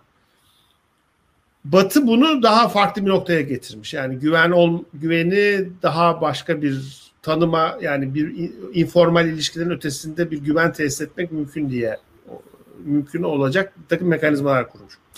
Şimdi Osmanlı şeyine baktığınız zaman örneklerine ben şöyle bir şey görmüyorum. Yani ilişki ağları sadece birbirini iyi tanıyan ya da aynı mezhepten olan mesela insanlar arasında oluşturulmuyor aslında farklı gruplar bu ilişki ortaklıklarını kurabiliyorlar. Mesela bu demin bahsettiğimiz Hekimoğlu ve Divit, Divit ya yani o şey arasındaki e, e, ilişki şeyde onların kurdukları ortaklık ilişkilerinde farklı insanlar var. Ermeniler olduğu gibi Rumlar da var, işte Yahudiler de var, Taşra'dan var, merkezden var. Böyle karmaşık ve aslında kozmopolit ortaklıklar bunlar. Dolayısıyla dediğiniz doğru yani Katolikler belli bir dünyanın yani dış dünyanın belli bir baş bir tarafına daha yakın, Gregorianlar belki bir tarafına daha yakın ama bunu aşan çok farklı e, örneklerde görebiliriz. Bu zaten bir soru değildi hocam. Yani öyle okurken ama yok yok çok ama çok iyi ettiniz yani çok teşekkür evet. ederim. Çok e, evet, özellikle bu yayın faaliyetleri çok çok mühim. Yani e, neşriyat yani yine e, lafı uzattım kusura bakmayın. E, bu Ermeni e, tüccarları ve sağ e, şeyleri, sarrafları onların kültürel faaliyetleri dışında anlayamayız. Yani o kültürel faaliyetleri anlayarak ancak daha iyi kavrayabiliriz. Yani bunlar da iç içe. Böyle bunlar böyle kuru tüccarlar değil yani. Çok evet. ilginç insanlar. Burada hocam e, şimdi asıl soruya gelmek istiyorum. Siz e, bir takım defter kayıtlarından yola çıkarak üç tane örnek olay e, makalenizde incelemişsiniz. İlk olay benim için çok acayip bir e, şekilde bitti. Düstur amel denilen bir e, şey e, e, kullanılıyor, kavram kullanılıyor yazışmalarda. Sarraf Abraham'ın alacağı meselesi üzerine. E, diyorlar ki sarrafın malı miri malına denktir. Yani böyle veya onun gibi bir kavram kullanılıyor. Yani sarrafın haklarını korumak devletin hakkını korumak kadar veya devletin malını korumak kadar önemli bir şeydir. Bir alacak verecek meselesinde sarrafın yani bir tüccarın malının devletin e, malı kadar e, korunması gereken bir şey olması hani mesela bugün baktığımız zaman bile bir şey yani e, tamam hani Türkiye'de de bankalar battığı zaman genelde devlet hani devre, devreye girip onları kurtarıyor falan filan ama hani hiçbir zaman o noktaya gelmezse bu da çok e, ifade edilmez yani hani çok böyle kriz anlarında bu e, meseleler devreye girer. Ya burada o e, aslında yani bayağı devlet e, şeyiyle iç içe geçmiş, e, mekanizmasıyla iç içe geçmiş bir sarraflık sisteminden bahsediyoruz sanki. Hem o olayı biraz e, deşmek hem de bu kavram üzerinden bir e, bir şeyler söylemek ister misiniz? Çok ilginç bir e, terim. Yani sarrafın matlubu malı mir, miri misillüdür e, diye geçiyor o kayıtta. Onu makalede zikrettim. Hocam bu görüntüde şu anda aldığım defter kaydı. O, def, o bizim çalıştığımız defter. Evet, Fikret Yılmaz'la çalıştığımız ha, o ayrı. E, defter. Sinan Çuluk, Fikret Yılmaz, e, Ebru Milci bir kolektif proje bu. E, e, Fikret abiyle beraber işte neşredeceğiz bu defteri. Çok önemli bir e, zimem defteridir bu. E, 1809'dan sonra e, kaydı tutulmaya başlanmış. Defter isterseniz konuşuruz sonra. E, bu defterden çıkan bir kayıttı bu. Bahset zikrettiniz. Şöyle bir şey ibare var. E, sarrafın malı matlubu malemiri misüllüdür. Ve bu sarrafların işte bu şeyleri destürlü tutulacak. Düsturlu amel tutulacak. Şimdi bu işte niye asli unsur olduğunu gösteriyor öyle değil mi Cengiz Bey? Yani sarrafı çıkarttığınız zaman sistem çöküyor çünkü. Yani e, sarraf bu anlamda bir banka yani hatta Merkez Bankası gibi de çalışıyor. Öyle de düşünebiliriz. Bütün o sistemi sadece yürütmekle kalmıyor. Sistemdeki o riskleri idare ediyor.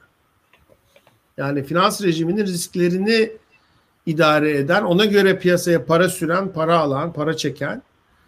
Yine o belgelerden bir tanesinde görüyoruz değil mi? Bir esam olayı var. Çok ilginç. Yani bir para ihtiyacı var ve para yok ve sarraflardan bir kredi isteniyor. Devlet istiyor, merkez istiyor bu parayı. Hazine istiyor direkt. Sarraflar toplanıyorlar. Bütün yani lonca toplanıyor. Bunu tartışıyorlar, müzakere ediyorlar ve diyorlar ki yani şu anda biz bu parayı bu kısa süre içinde çıkartamayız.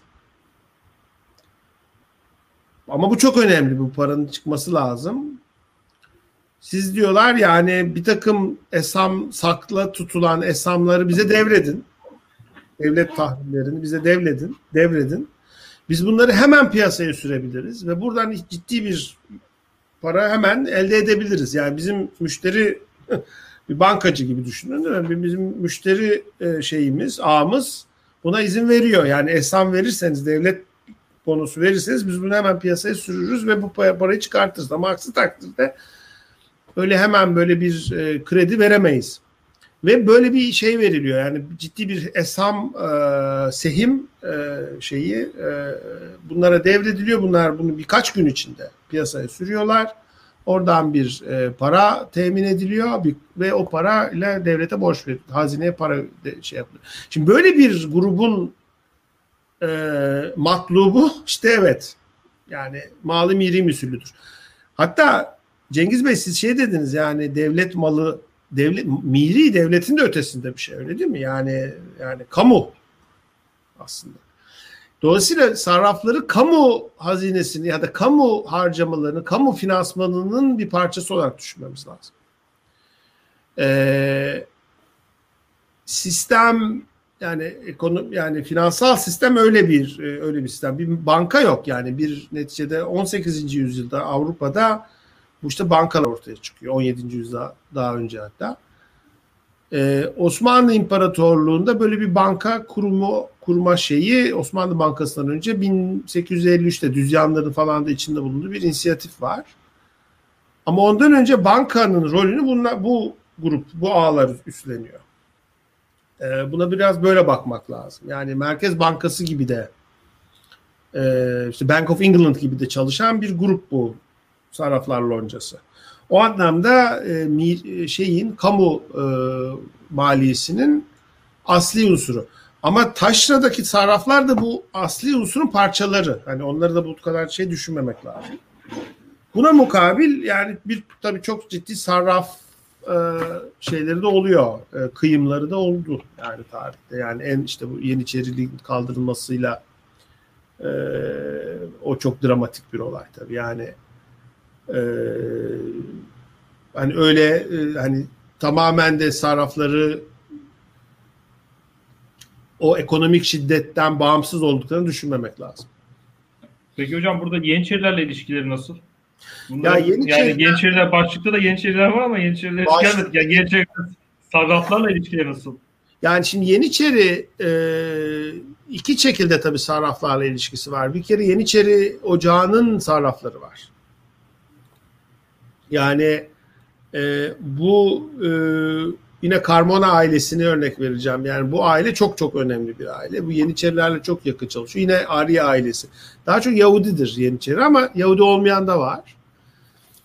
Yerli yerli yerli yer, Yeniçerilerin yani yer, yereldeki Yeniçeri gruplarının tabi e, sarrafları var. Bir de Yeniçeriler aslında 18. yüzyılda e, kendi sandıklarını kuruyorlar. İşte kendi bir takım böyle e, şeyleri var. Finans imkanları doğuyor. Onlar da aslında bu finans para piyasasının içindeler. E, hem kredi alan hem kredi veren unsurlar olarak. E, yani şeyler gibi düşünelim. İşte diğer loncalar gibi düşünürsek Yeniçeri'de bir değil mi? Aslında o da bir lonca gibi bir şey yani. Ee, ve Yeniçeri ordusu aynı zamanda bir sendika gibi çalışır. Ee, onların da kendi içinde bu bu şeyi vardır. Yani e, finans mesele şeyine girerler. Bizim benim çalıştığım belgelerde çıkıyor. Yani e, Yeniçeriler kendi birbirlerine tabii kredi veriyorlar e, falan. Ama asıl tabii büyük hikaye bu büyük Yeniçeri e, ocağının sarraflarıdır. E, ve o o da tabii şeydir yani e, ta yani 17. yüzyıldan başlayarak Yahudilerin şeyindedir, kontrolündedir. Bir de Yeniçerilerin şöyle bir başka bir sarraflarla başka bir ilişkisi var. E, gerilimli bir ilişkisi var. 17. yüzyılda te, e, şeyle beraber yani taşiş meselesine en çok muhalefet eden Yeniçeriler oldular. Yani bu 17. yüzyıl hikayesi daha çok. Çünkü Yeniçeri maaşlarında tabii ciddi bir şey devalüasyona neden olmuştu bu. Burada sürekli sarraflar suçlandı. Büyük sarraflar suçlandı. Ee, ve darphane sarrafları. O zaman darphane sarrafları 18. yüzyıl kadar daha formal değillerdi ama darphaneyle çalışan büyük sarraflar ya da e, Haremi Humayun'la çalışan büyük sarraflar suçlandı. Bir de böyle bir e, şey var. E, ilişki var. Ya Yeniçeriler bu, bu hikaye 18. yüzyıl hikayesi öyle bir hikaye ki o zaman. Yani hiç bunları ayrıştıramıyoruz. Yani Ayan, Yeniçeri, Sarraf. yani çok aslında yani hepsi hepsi iç içe. Ee, işte dediğim gibi mesela bu Vidin Arya ailesi Vidin'de Venedik Viyana'dan sonra Vidin'de güçleniyorlar. Yani Vidin o dönem Yeniçeri şehri bir anlamda. Yani Pazvantoğlu o şekilde çıkıyor. Yeniçeridir Pazvantoğlu. Yani Yeniçeri ocakları Pazvantoğlu'na kefil olurlar. İstanbul Yeniçeri ağları e, yaş şeyleri, ihtiyarlarının şeyi var, arzı var. Çok güzel. Onu ben bir yerde yazdıydım. Yani e, biz diyorlar kefiliz Pazvantoğlu'na işte affedilsin falan filan. Sonra bir arzları daha var kefil değiliz diye.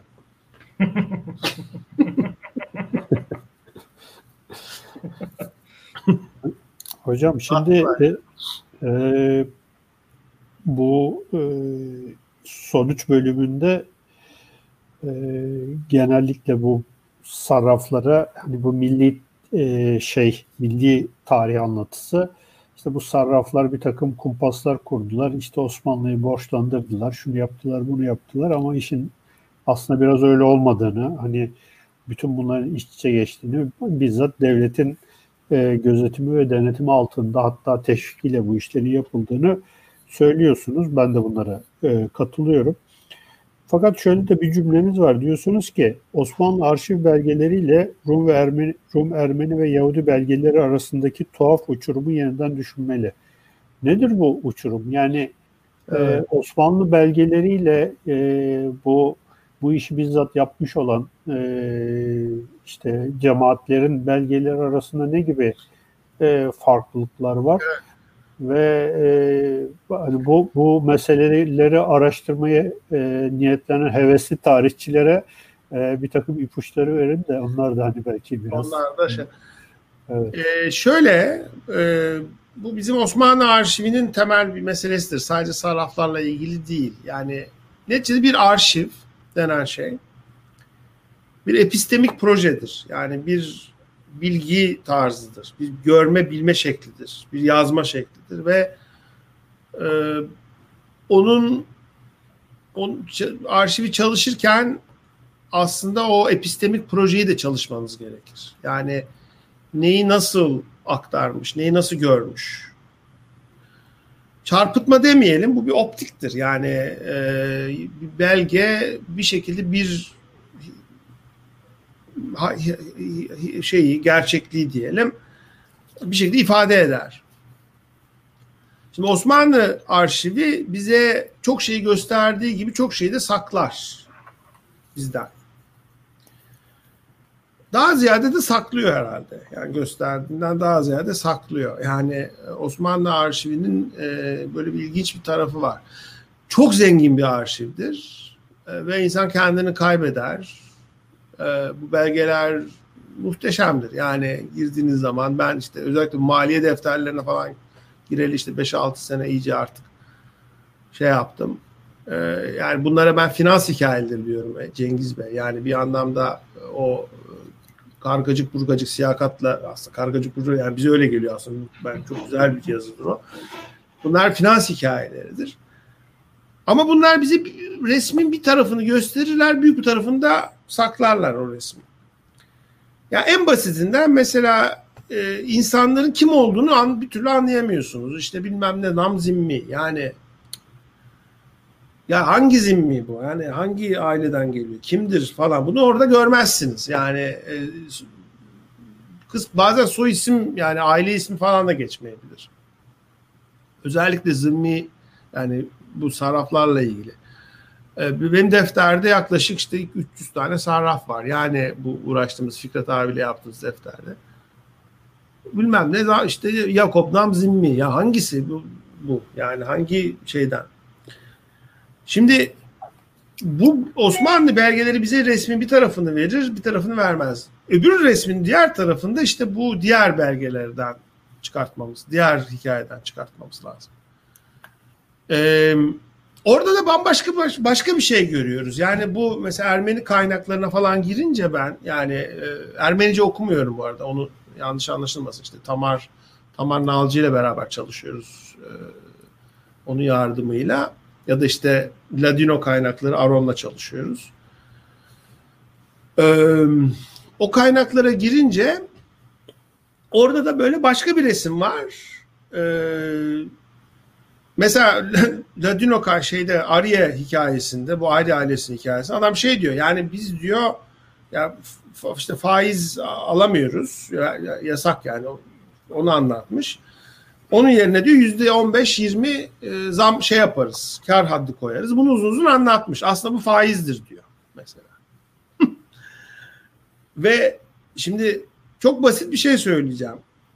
Osmanlı İmparatorluğu'ndaki faiz meselesini yeniden düşünmemiz lazım ve aslında o kar hadleri ya da yıllık verilen işte üzerine konulan e, işte bir takım ek e, gelirler, ek işte şeyler faiz olarak düşünülürse mesela şöyle bir şey diyebiliriz. Yani dünyadaki en yüksek faizlerden biridir Osmanlı İmparatorluğu'ndaki faiz.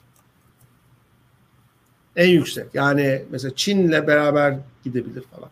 Ve bu Osmanlı ekonomisinin neden sürekli krizlere girdiği ve borç krizlerine girdiğiyle ilgili bir şeydir mesela.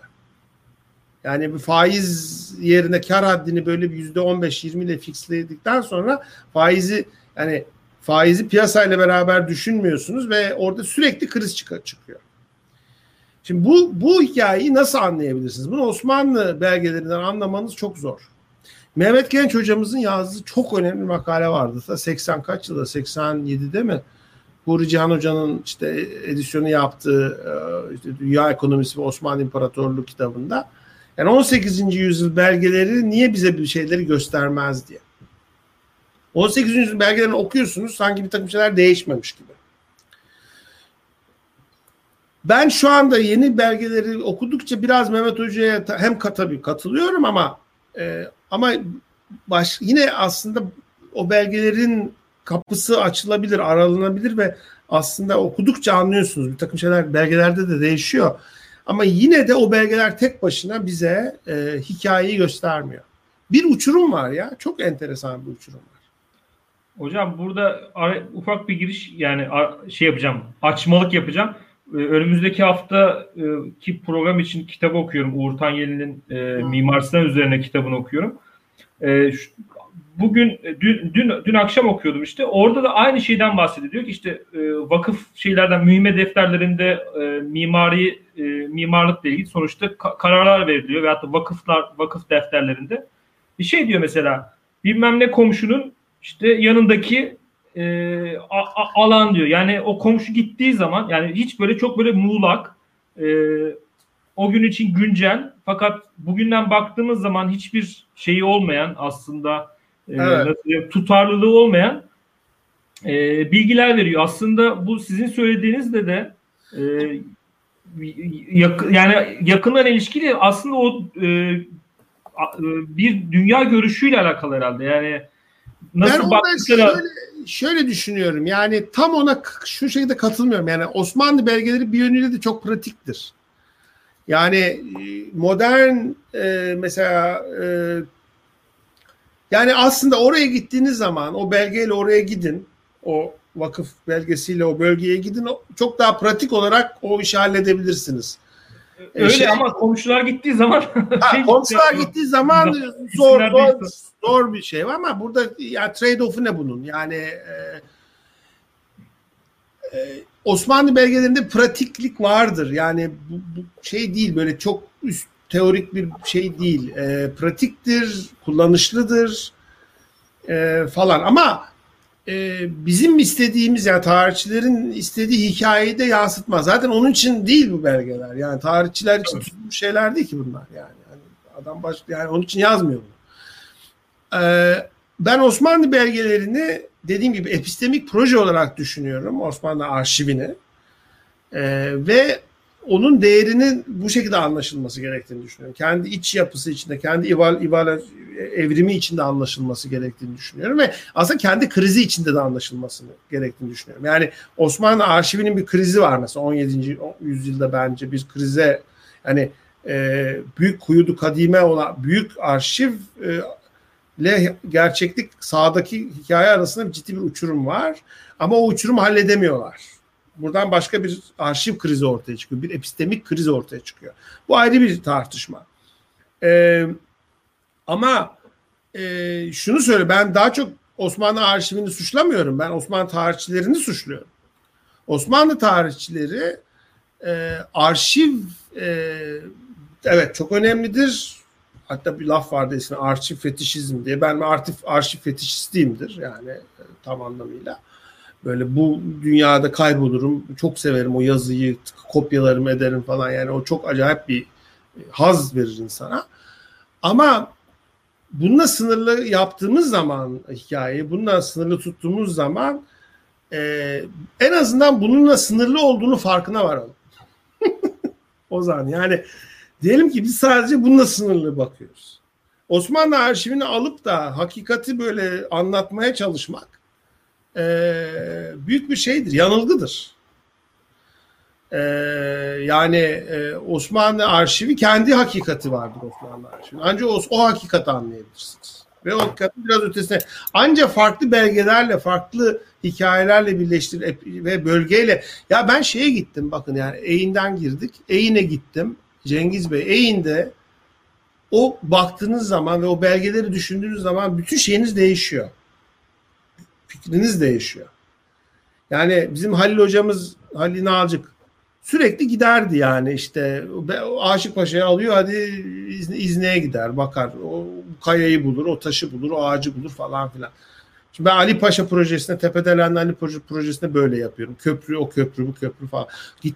O zaman iş başka bir şey e, e, başka bir boyuta gidiyor. Osmanlı arşivini çok yaşat Osmanlı arşivine de haksızlık o arşivle sınırladığınız zaman analizini.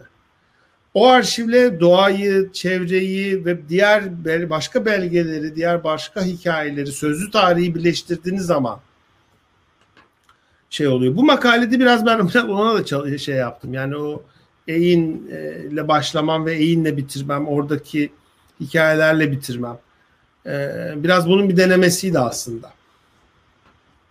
Hocam burada yani aslında bugüne güncel şeye de çok e, e, ne diyelim referanslar veriyoruz. Mesela bu enflasyon mevzusu, sürekli kriz mevzusu e, ve borçlanma. Yani aslında biraz daha e, programın başında yani ortalarında bu borçlanma mevzusuna girmiştik ama bu e, 18. yüzyılda bilmiyorum 17. yüzyılda bunu söyleyebiliriz. Bu borçlanmanın sebebi ne asıl? Yani sürekli insan yani şey haricinde bu ticaretin artması, şehirlerin şehirleşmenin artmasının haricinde bir de e, bir borçlanma var herhalde. Evet, devamlı bir borçla iç borçlanma. Borçlan, iç borçlanma var. Yani bir evet. aslında bir, bir kriz de var aslında. Tabii tabii borç krizi oluyor sürekli aslında borç. Yani borcun borçlanmanın e, tabii en büyük nedeni aslında e, para e, yeteri kadar gümüş ve altın olmamasıdır. Yani bir boyutu budur. Bir, bir, bir şey nedeni bu. Yani bu dünya her zaman gümüş ve altın ve e, değerli madenler konusunda sıkıntılıdır. Yani burada bir, her zaman bir sınır vardır. E, ekonomik e, aktivitenin çok daha şeyindedir bu. E, ona ona yetişecek kadar e, bir e, arzusu hiçbir zaman olmaz. Bir boyutu bu. İkinci ama başka şeyler tabii var. Yani sadece bununla e, şey yapmak e, gerek. Aslında Osmanlı e, sistemi 17. yüzyıldan itibaren e, buna bazı tarihçiler özelleşme der Arya Sazman. Ben o kelimeyi çok ona katılmıyorum o ifadeye. Yani sanki çok eskiden kamusalmış da özelleşmiş gibi oluyor. E, şöyle demek lazım. Vergi birimlerini e, Osmanlı İmparatorluğu havale eder, tahvil eder. Bunları verir insanlara yönetmek için. Bu artarak devam eder. Yani e, Osmanlı Devleti aslında 18. yüzyılda büyür. Benim bu kitapta birinci kitapta bahsettiğim ortaklık kavramı vardı yani İmparatorluğun ortakları. Yani bu ortaklık illi siyasi ortaklık anlamına gelmez ya da illi ayanların devletle ortaklığı anlamına da gelmiyor. Yani herkes ortak olur aslında. Herkes hissebent olur devlete. Bu hisseventlik işte şeydir, borçtur. Yani nasıl o hisse, nasıl ortak olursunuz? Borçlanarak hisse ortak olursunuz. Borçsuz ortak olunmaz. Değil mi? Birimize borçlu olursak ortak oluruz. Ee, borç aynı zamanda ilişkileri arttırır, sorumlulukları art, arttırır ee, ve dediğim gibi entegrasyonu arttırır. Ee, ama aynı zamanda her zaman krizlere gebedir. Yani borç ödeme şeyi olmayınca değil mi? Yani borç ödenmeyince ya da yeteri kadar e, alacak ve verecek ilişkisi tam dengelenmeyince de devamlı kriz olur. Osmanlı İmparatorluğu'nun hikayesi budur. Yani imparatorluk kendini açar 17 17. yüzyıldan itibaren. Bütün birimleri, gelir birimlerini verir insanlara. Ve e, ve bu insanlar o gelir birimini işletirler e, ahalilerle işletirler. Ahaliler bu buradan işte bu gelir işlet işletirken yeteri kadar vergi şey e, gelir üretemez. Onlar onlara borçlanır. O onlar kredi verir. işte o taraflar araya girer falan. Sürekli böyle gider. Burada da bir bu şey meselesi vardır. Yani e, insanlar öldükten sonra ne olacak?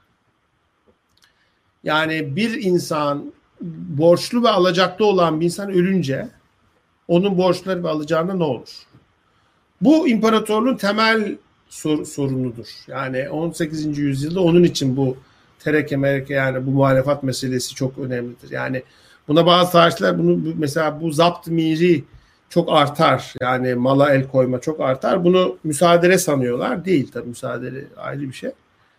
Ee, borç üzerinden borçluluğun e, bir şekilde e, şeyidir. Yani borç insanlar öldükleri zaman borçludurlar, alacaklıdırlar ve ölümden sonra bunların şey yapılması lazım. Yeniden yapılandırılması lazımdır. Osmanlı İmparatorluğu'nun 18. yüzyıl hikayesi büyük oranda bu yapılandırma hikayeleridir. Biri ölür, ciddi bir borç ve alacak içindedir. Özellikle elit gruptan bahsediyorum. Taşra'da ya da merkezde. Ve bu alacak ve verecek e, şeyleri, ilişkileri yeniden nasıl yapılandırılacak? Böyle giden bir devlet, böyle şey yapan bir devlet. Bunun tabii çok nedenleri var. Yani İslam hukukuyla ilgili meseleler var. İşte e, miras hukukuyla ilgili şeyleri var. Karmaşıktır bunun arkasındaki kurumsal e, yapı. E, ama buradaki söylemeye çalıştığım de, yani borç ekonomisinin oluşması sadece altın ve gümüş arzındaki sınırlılık değildir. İmparatorluğun genel yapısı ve kurumsal dönüşümüyle ilgili bir şeydir. İmparatorluk ancak borçla yürür ama bu borçla da sürekli krize girer. Bu krizler ya büyük krizlerdir ya da küçük küçük krizlerdir. Ve bu krizleri yeniden yapılandırmayla sürekli çözmeye çalışır. Tanzimat fermanı denen şey buna son verme amacında, amacını güder aslında. Yani tanzimat diyor ya iltizama son. Yani arkasındaki fikir budur. Yani daha kamu kamu finansmanına geçmek. Ee, kamu maliyesine geçmek. Yani başka borçtan başka bir şekle geçmek. Ve daha sonra bankalı bank işte şey. Ama borç ekonomisi e, hiçbir zaman bitmedi tabii. Türkiye tarihinde de devam etti. E, işte duyunu umumiye meselesi tabii değil mi? Yani çok çok önemli. Türkiye tarihinin yani Osmanlı Türkiye tarihinin çok temel bir meselesidir duyunu umumiye. Çok çalışılmadı yani maalesef. Duyunu umumiye sadece bir banka hikayesi değildir yani bir yönetim tarihi hikayesidir. Ee, daha sonra duyunu umumiye borçlarının ödenmesi Türkiye Cumhuriyeti'nde e, bu bu büyük sefer, seferberlik 60 kaça kadar 50 küsur 56'ya kadar mı değil mi? O, Türkiye'nin Osmanlı Devleti'nin borçlarının ödenmesi meselesi çok ilginç bir olaydır. Ve arkasından yeniden Türkiye'nin borç şeyine girmesi. Tabii şu anki durum Türkiye'nin en en yüksek borçlanma, iç dış en yüksek borçlanma dönemi yaşıyoruz. Ve yani Türkiye'nin krizi biraz bununla ilgili tabii aslında sürekli kronik kronik şeyler var. Ee, Tabii yani 18. yüzyıl var. var. Yani aslında şöyle diyeyim. Biz 18. yüzyıldan günümüze bir tarih şeyi çizsek yani hatta 1700 1650'den başlayarak köprülerden başlayarak modern tarih böyle yazsak modern tarih tanzimat manzimat falan öyle değil de yani daha geniş bakıp büyük oranda bu borç hikayesinin tarihini yazmış olacağız. Ee, ve yani misak milliye böyle baksanız, sened ittifaka böyle baksanız, 61 anayasasına böyle baksanız falan orada daha çok 80. Merkez Bankası'nın oluşumu tabii tabii yani ve ve şey ya son son 10 seneyi düşünsenize Cengiz Bey yani son 10 sene tamamen borç mesela borç şeyinden giden bir siyasi ekonomik e, hikaye var Türkiye'de. Yani onu onu yaşıyoruz, onun krizini yaşıyoruz. Yani şey evet. şey mesela bugüne bugüne getirdiğimiz zaman e, AKP'nin iktidara geçmesi bile aslında o bu krizin 2001 krizinin e, siyasi alabora etmesi, siyasi düzeni alabora etmesinden kaynaklanıyor ve sürekli böyle o e, şeyi e, nedir borcu sürekli tanzim ediyoruz. Sürekli e, tanzim ederek bir sonraki şeye e, Tabii IMF borcundan kaynaklı. IMF şeyiyle. IMF'den bir de yani hocam şeyden de başlıyor. Sizin bahsettiğiniz 16. yüzyılda köprüler de yani onlar da kardeşim yani bu borç morç var da bunları bir şey yapalım. E, bir düzenleyelim. Oradan itibaren başlayan böyle sürekli kendini evet. yenileyen e, bir Şöyle şey var. Uzun, uzun dönemli baktığınız zaman yani Osmanlı fetih hikayesi e, ve genişleme hikayesi yani Osmanlı emperyalizmi diyelim buna. Hadi biraz daha cesurca konuşalım. Geçen bir makale yazdım bilmiyorum millet ne diyecek. Yani Karlofça anlaşmasının iyi bir anlaşma olduğunu iddia ediyorum. Herkes için hayırlı olduğunu düşünüyorum. Ondan sonra ee, bakalım çıkınca ne olacak. Ama yani bu fetih şeyi bitince e, fetih hikayesi arkası işte bununla beraber boşlanma hikayesi geliyor. Yani biraz da böyle düşünmek lazım. Dedin ya niye böyle 18 17. yüzyılda artıyor bu. Yani biraz bununla da ilgili bir şey var. Yani Osmanlı ile Osmanlı tarihi ilerlemesi ve genişlemesi. Yani İngiltere'deki borç hikayesiyle mesela Amerika'nın kolonizasyonu, Hindistan'ın kolonizasyonunu ayrı düşünemezsek Osmanlı İmparatorluğu'nun borç tarihiyle de şeyi ayrı düşünemeyiz. Yani Osmanlı İmparatorluğu'nun genişlemesinin durması. Tersi bir şey oluyor orada. Yani İngiltere için genişleme devam ediyor 18. yüzyılda. Ee, ve borcu o şekilde yönetiyor İngiltere. E, Fransa niye borç batağına battı ve niye Fransız devrimi oldu? O genişleme bitti. 7 yıl savaşları yani. Evet. Kitabınızda da bu, bu e, hizipler arası meselede o savaşlardan şeyde makalenizde bahsediyorsunuz evet. zaten. E, hocam yavaş yavaş toparlayalım isterseniz. E, ben bu makaleyi okurken hani saraydaki sultandan dağdaki çobana bir boş silsilesi tarifi yapmışsınız. Biz e, işte o dağdaki çobana yakın olan insanlar olarak bugün de hala borç içinde yüzen e, insanlar olarak neden bu borç batağında e, yüzyıllardır debeleniyoruz? E, aslında biraz e, bu soruya cevap bulmak lazım herhalde. Evet. E, bu programda umarım bu e, soruyu sormak açısından e, bir vesile olmuş olur. Sizin söylemek istediğiniz e, bir şey varsa alalım. Daha sonra da yavaş yavaş kapatalım. Yok yok çok güzel oldu. Uzun da tuttuk. Ee, çok evet. memnun oldum. Çok güzel sorulardı. Düşünmeye devam edelim. Yani e, yeni başka şekilde görmek, değil mi Osmanlı tarihini, belgeleri başka şekilde okumak.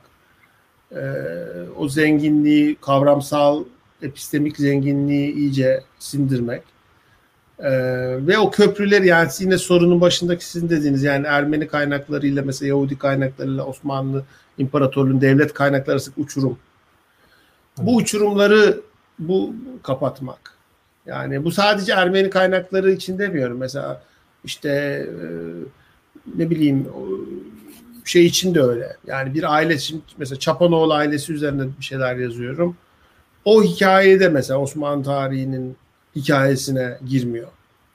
Yani o evet. o uçurumları şey yapmak ve o tarihi daha insanileştirmek. Ekonomi tarihini daha insanileştirmek. Geçen bir şey e, Twitter'da bir şey oldu yani bir e, kitap çıktı işte o yeni iktisat tarihine geri dönüş diye bir kitap. Çok değerli bir kitap herhalde. Daha okumadım. Gelmedi henüz bana. E, iktisat tarihinin yeni dönüşü, geri dönüşü diye. Ben de şey dedim ya inşallah eskisi eski haline geri dönmez diye. Ee, ama zaten başlığı alt başlığında diyor yeni yaklaşımlar diye. Yani iktisat tarihinin insanileşmesi lazım. İktisadın insanileşmesi lazım. Ve çevreyle, insanla, e, hikayelerle gerçek ilişki kurduktuğu zaman iktisat tarihi gerçekten bir işe yarar. Ee, yoksa işte bu yaşadığımız krizin biraz da sorumluluğu o iktisatçılarda herhalde onların çok teşekkür ederim arkadaşlar. Çok sağ olun. Biz teşekkür ediyoruz hocam. 203. Ee, yayınımız e, bugün burada sona eriyor. Ee, konuğumuz e, doçent doktor Ali Yaycıoğlu ile 18. yüzyıl dünyasında sarraflar, e, finans ağları ve biraz da yeniçeriler üzerine konuştuk. Bugüne de belki bir projeksiyon tutmuş olduk.